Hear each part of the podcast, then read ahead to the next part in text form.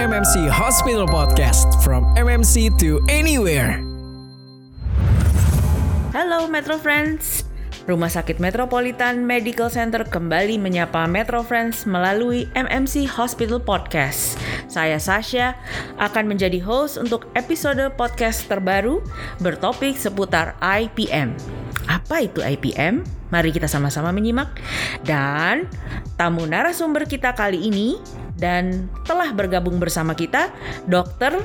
YR Yosi Asmara SPAN FIPM FIPP CIPS. Halo Yosi. Halo Ca, aduh. Waduh nih uh, titelnya panjang sekali. Iya ya kayak kereta kayak titel gue ya. Aku tanya dong nih apa sih nih uh, FIPM, FIPP dan CIPS? Ya, Oke.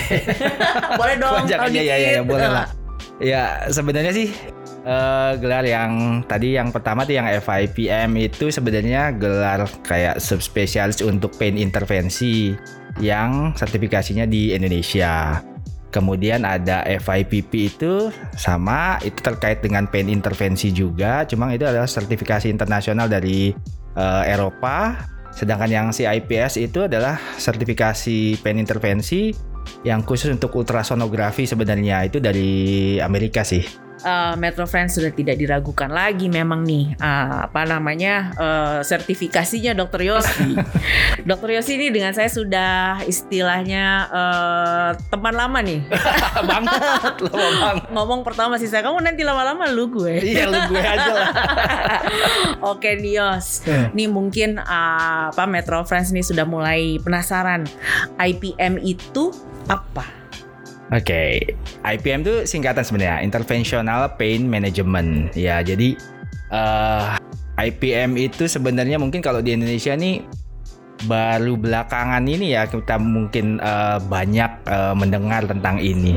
Jadi eh, Interventional Pain Management itu sen- sendiri sebenarnya adalah salah satu bentuk eh, tata laksana untuk nyeri dengan cara yang minimal invasif sebenarnya. Dia itu tujuannya adalah satu adalah eh, untuk eh, bisa memberikan atau memberikan obat atau medikasi ke target dari sumbernya nyeri. Ah, Nah, oke. Kemudian dia juga Langsung bisa ya? ah, ah, langsung dan dia juga bisa berfungsi sebagai untuk eh, merubah atau memperbaiki kelainan jaringan yang ada. Oh, oke. Nah, dan selain itu ada satu lagi adalah untuk memblok signal dari eh, saraf yang nyeri sebenarnya. Jadi memang berkembang interventional pain management ini eh, gara-gara sebenarnya untuk menjembatani kalau dulu kan kalau orang misalkan ngalamin sakit gitu ya atau nyeri yang hebat kemudian dia dapat obat-obatan atau fisioterapi segala macam kemudian eh,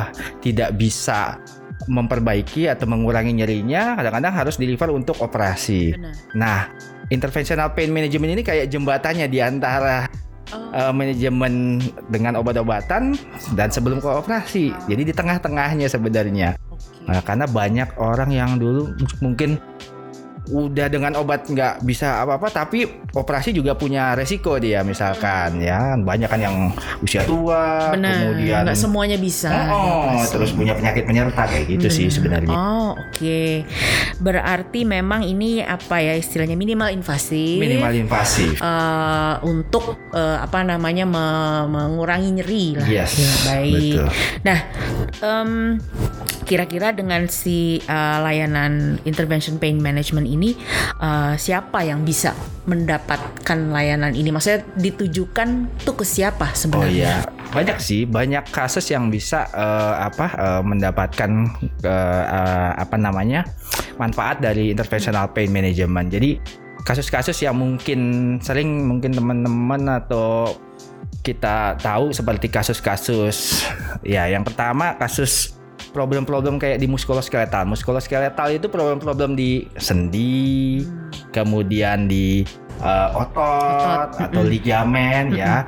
Seperti contoh kalau orang yang tua ya, yang sudah senior misalkan itu sering ngalamin masalah di sendi seperti osteoartritis contohnya tuh di lutut tuh sering banget Iya. atau di bahu ya kadang harus minum obat sampai banyak problemnya kadang-kadang minum obat satu ada gangguan lain gangguan lambung kemudian kalau orang yang sudah tua fungsi-fungsi organ lainnya kan juga menurun ya. Ginjal. Ya, dengan ada dengan pemberian obat jangka waktu lama kadang-kadang dia terpaksa fungsi ginjalnya juga bisa menurun. Benar. Ya, jadi itu bisa bermanfaat di Hmm. situ. Kemudian di kasus lain adalah kasus contoh adalah kasus cancer. ya, di cancer tuh kan nyerinya mayoritas pasien cancer tuh emang ah ngalamin nyeri pasti. Nyerinya tuh kayaknya tak ter tak Iya. tergambarkan Iya kayaknya tak ya. Tergambarkan dan wah, berat banget biasanya ya. Kadang-kadang kita dengan obat-obatan memang pada satu tahap bisa mengurangi nyerinya. Nah, tapi eh, pada satu tahap juga mungkin obat-obatan ketika ditingkatkan menimbulkan efek eh, yang mungkin tidak diinginkan. Ya kadang-kadang obat-obatan itu bikin mungkin pasiennya lebih ngantuk, kemudian Hmm. ada mual, muntah ya.